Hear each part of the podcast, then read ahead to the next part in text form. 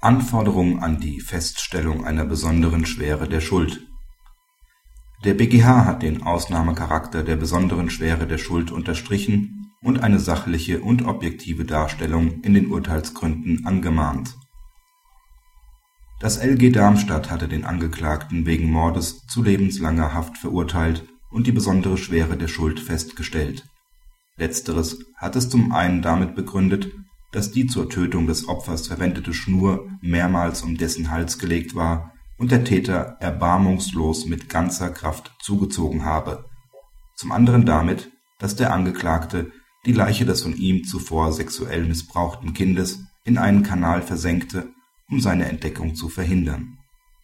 Für den BgH reichten diese Feststellungen jedoch zu einer Bejahung einer besonderen Schwere der Schuld nicht aus da sie nicht eine über das übliche Maß hinausgehende kriminelle Energie belegen könnten. Auch das Gewicht der zuvor begangenen Missbrauchstat, zu der keine Einzelheiten festgestellt werden konnten, sei für die Annahme einer besonderen Schwere der Schuld nicht ausreichend. Praxishinweis Auch bei einem Sexualmord an einem Kind folgt die Feststellung besonderer Schuldschwere keinem Automatismus, sondern muss sorgfältig begründet werden